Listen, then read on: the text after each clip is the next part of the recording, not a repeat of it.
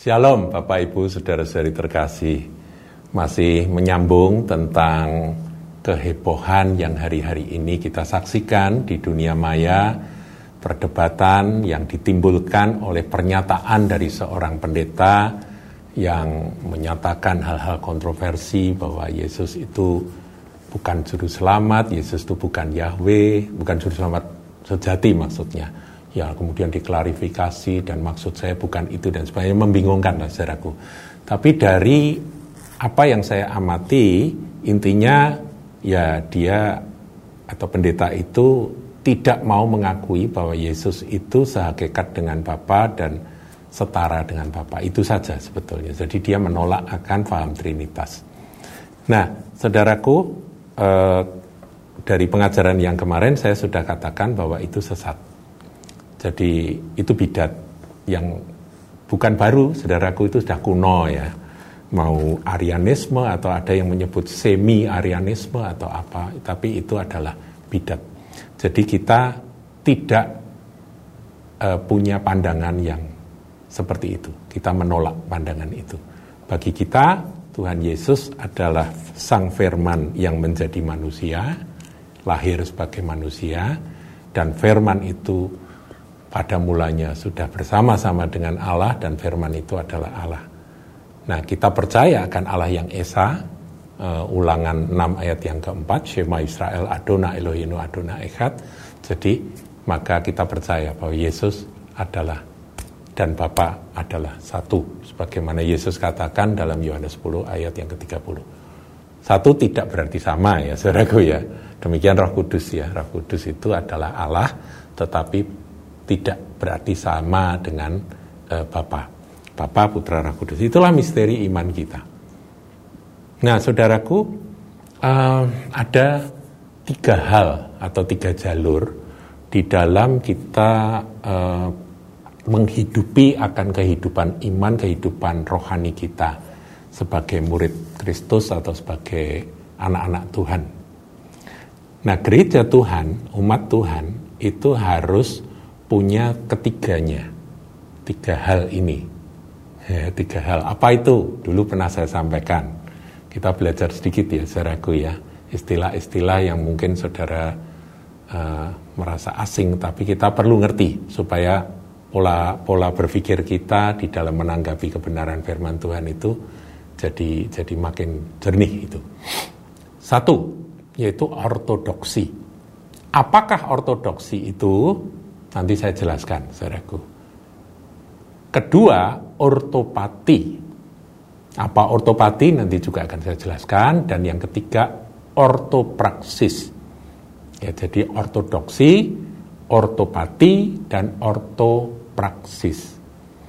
Nah, saudaraku, orto itu artinya benar, lurus, itu orto. Nah, kemudian ortodoksi itu apa? Ortodoksi itu pengertiannya adalah pengajaran yang lurus dan benar. Pengajaran Alkitab yang lurus dan benar tentang Allah, tentang Yesus Kristus. Allah kita kan Bapa, Anak, dan Roh Kudus, ya kan? Pengertian yang benar atau pengajaran yang benar ini nanti akan menghasilkan pemahaman yang benar juga tentang Tuhan itu seperti apa.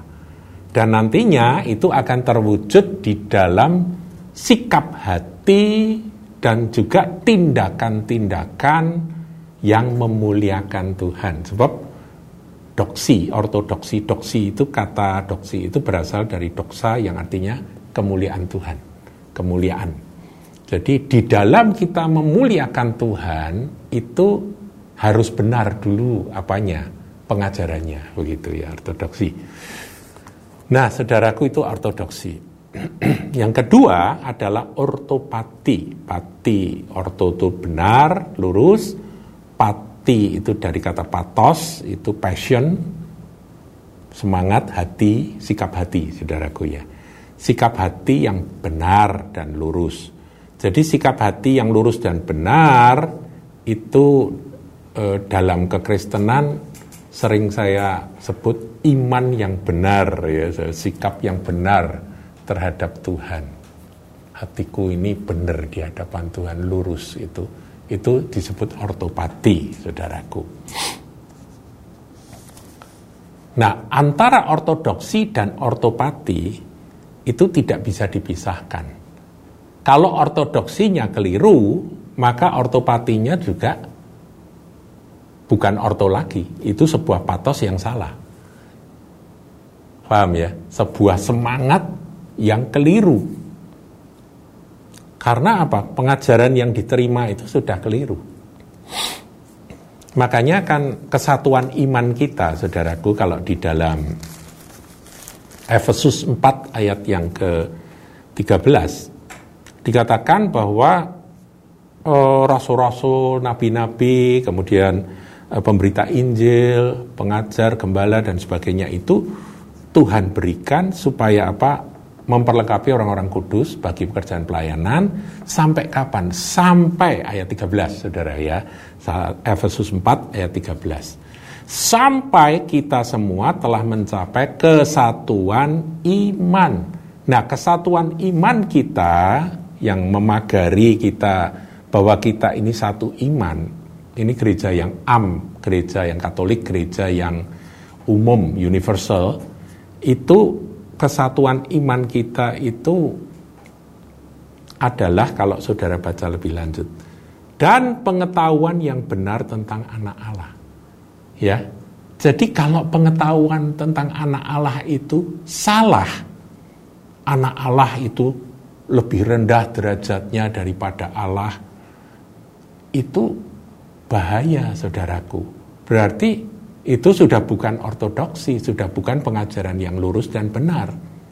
Nah, kalau pengajarannya tentang anak Allah itu berbeda dengan pengajaran iman rasuli yang diajarkan oleh para rasul, kemudian juga oleh uh, bapak rasuli dan bapak-bapak gereja yang diwariskan secara turun-temurun sampai hari ini.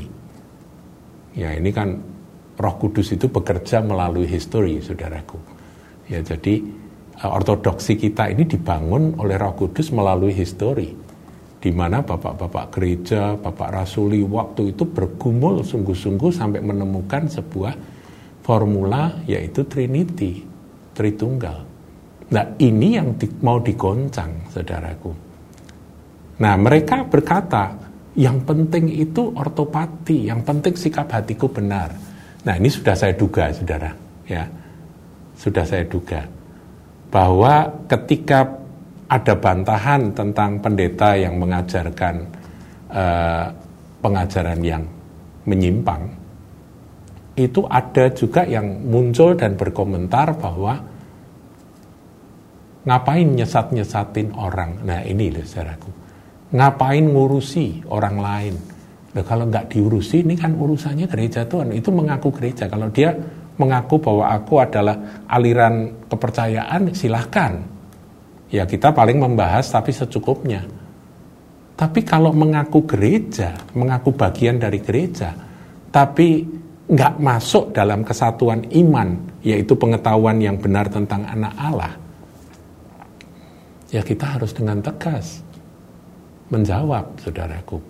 Nah, saya melihat ada tanggapan sebetulnya yang sesat itu pendeta itu atau yang yang me, apa yang bereaksi gitu. Terus kemudian dia ambil Alkitab dan dia tunjukkan Alkitab itu di di layar YouTube dia berkata begini, kalau saya Alkitab itu adalah kebenaran untuk diri saya sendiri. Loh ya memang betul. Itu memang tidak salah. Tetapi apakah kita ini tidak punya eh, pagar untuk kesatuan iman kita. Apakah Anda yang seperti itu ketika kita membahas tentang eh, gereja, ah, ya mereka nyebut gereja, Mormon misalnya. Dan kita berkata bahwa ya yang penting kan anu apa kita tidak usah ngurusi yang penting aku sama sama Tuhan yang penting Alkitab ini menjadi kebenaran untuk aku.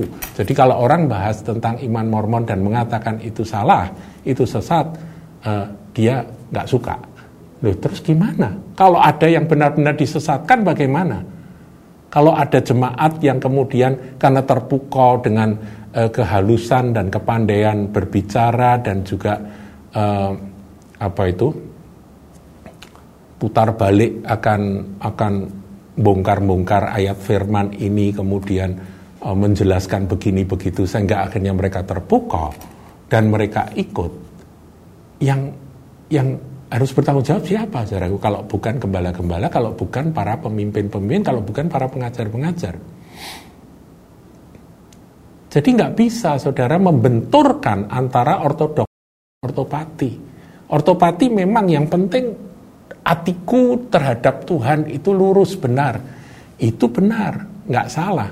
Tetapi sesungguhnya ortodoksi itu adalah fondasi untuk kita memiliki ortopati memiliki akan sikap hati yang benar. Nah sekarang kita lihat aja saudaraku. Nggak usah di dalam Kristen. Terhadap orang-orang agama lain, mereka kan juga bersemangat. Mereka juga punya akan sikap hati yang bersungguh-sungguh terhadap apa yang mereka yakini. Lah apa kita ya terus berkata ya ya itu nggak apa-apa, itu benar. Nggak gitu, saudaraku. Alkitab ini diberikan untuk kita mengetahui kebenarannya, sehingga sikap hati kita ini harus tunduk kepada apa yang benar itu. Dan kebenaran dari apa yang disampaikan firman Tuhan ini, itu sudah dirangkum, karena daripada orang ngambil ayat comot ini, comot itu kan sudah dirangkum dan digumulkan oleh Bapak Rasuli dan Bapak-Bapak gereja pada awal gereja Tuhan. Abad-abad awal gereja Tuhan. Sehingga terbentuk melalui konsili dan sebagainya, terbentuklah akan sebuah doktrin yang disebut ortodoksi. Makanya ada gereja ortodoks itu saudaraku, yaitu maksudnya gereja yang lurus dan benar pengajarannya. Tapi pengajaran yang lurus dan benar saja kalau tidak ada sikap hati yang benar juga percuma. Memang benar. Jadi jangan dibenturkanlah antara sikap hati terhadap Tuhan yang benar dengan pengajaran yang benar. Pengajaran yang benar itu penting, penting itu itu fondasi. Tapi kita harus membangun dengan sikap hati yang benar terhadap pengajaran tersebut. Ya kan? Nah ini ada satu ayat ya saudaraku ya saya tunjukkan di dalam Roma. Tiga ayat ya, bukan satu ayat. Roma 10. Saudara-saudara, keinginan hatiku dan doaku kepada Tuhan ialah supaya mereka, mereka di sini orang-orang Yahudi, diselamatkan. Sebab aku dapat memberi kesaksian tentang mereka bahwa mereka sungguh-sungguh giat untuk Allah tetapi tanpa pengertian yang benar. Pengertian yang benar ini itu tadi ortodoksinya itu. Tapi semangatnya, kesungguhannya, ortopatinya itu mereka benar. Artinya mereka asli. Itulah orang-orang Yahudi. Saya ulangi ya, ayat 2. Sebab aku dapat memberi kesaksian tentang mereka bahwa mereka sungguh-sungguh giat untuk Allah tetapi tanpa pengertian yang benar. Ayat 3, sebab oleh karena mereka tidak mengenal kebenaran Allah melalui Yesus Kristus yang berkata, akulah jalan kebenaran dan hidup. Dan oleh karena mereka berusaha untuk mendirikan kebenaran mereka sendiri, maka mereka tidak takluk pada kebenaran Allah. Yesuslah kebenaran Allah itu. Jadi mereka menolak Yesus, saudaraku. Inilah orang-orang Yahudi. Nah, kesungguhan mereka asli. Kemudian kegiatan mereka di dalam beragama ya dalam dalam apa itu bekerja giat untuk Allah.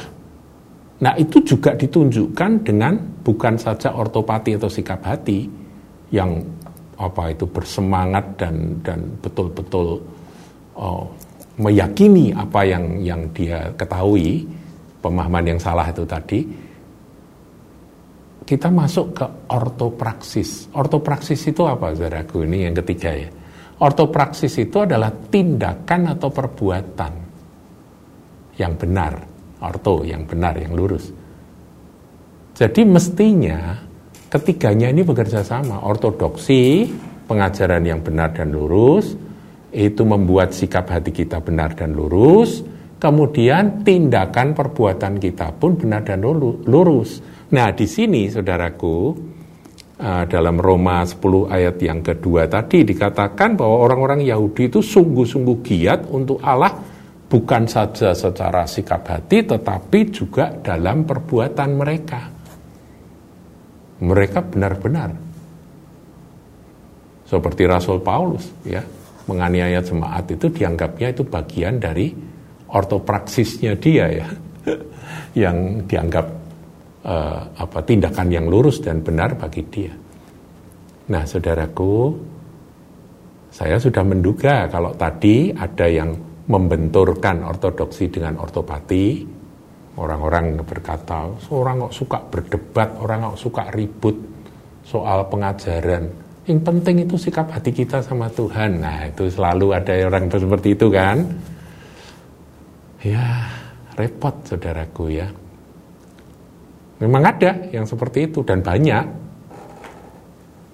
Saya ya tidak suka, saudara suruh ribut itu nggak suka. Tapi kalau memang itu nggak benar ya harus dibenarkan ya harus disampaikan bahwa itu salah. Kalau itu bidat yang harus disampaikan itu bidat. Apalagi kalau itu mempengaruhi ya kan saudara-saudari kita. Nah, sekarang ada juga yang membenturkan dan ortopraksis. Ortopraksis itu tindakan, praksis itu praktek gitu ya uh, praktek hidup tindakan yang lurus, yang benar. Nah, saya terima WA, tapi ini soal yang lain. Dia, dia apa ya merendahkan atau me, meremehkan atau menganggap nggak ada gunanya. Kamu punya pengetahuan yang benar, kamu punya pengertian yang benar, punya teologi yang benar, tapi kalau kamu nggak punya tindakan yang benar. Saya setuju, saudaraku. Bukankah iman tanpa perbuatan mati kan? Tapi jangan dibenturin. Kalau ada yang sedang mempertahankan akan kebenaran yang ortodoks, yang lurus, kemudian sama dia dibenturkan. Ngapain banyak ribut? Itu biasanya omdo, omong doang apa itu? Istilahnya itu mereka uh, NATO ya. No action talk only gitu. Ini loh aku yang penting berbuat baik yang penting aku melakukan apa yang diperintahkan oleh Tuhan. Jangan dibenturkan saudara. Lakukan akan perbuatan baik sesuai dengan keyakinan dan semangat yang ada tetapi dasarnya harus benar. Begitu loh jadi ketiganya ini sebetulnya saling menopang. Tapi ada saja orang-orang Kristen yang selalu bentur-benturkan, banding-bandingkan. Orang yang bergerak dalam dalam uh, pelayanan doktrinal itu jangan diremehkan, saudara. Nanti kalau semua jadi kayak saksi Yehova, semua jadi Mormon, saudara gimana? Tanggung jawabmu di mana? Kalau semua jadi Arianisme, terus tanggung jawabmu bagaimana? Kalau semua jadi liberal, tanggung jawabmu di mana? Apa kamu cuma berkata, yang penting aku kan suka memberi, yang penting aku suka berkorban, aku suka melakukan apa yang diperintahkan Tuhan. Jangan dibenturkan, saudaraku. Sekali lagi, ortodoksi, ortopati, sikap hati, maupun ortopraksis, praktek hidup Kristen, jangan dibenturkan. Masing-masing punya jalur, masing-masing punya bagian, dan seperti rumah itu ada fondasinya, ada strukturnya, juga ada atapnya. Ayo toh kita bangun yang komplit.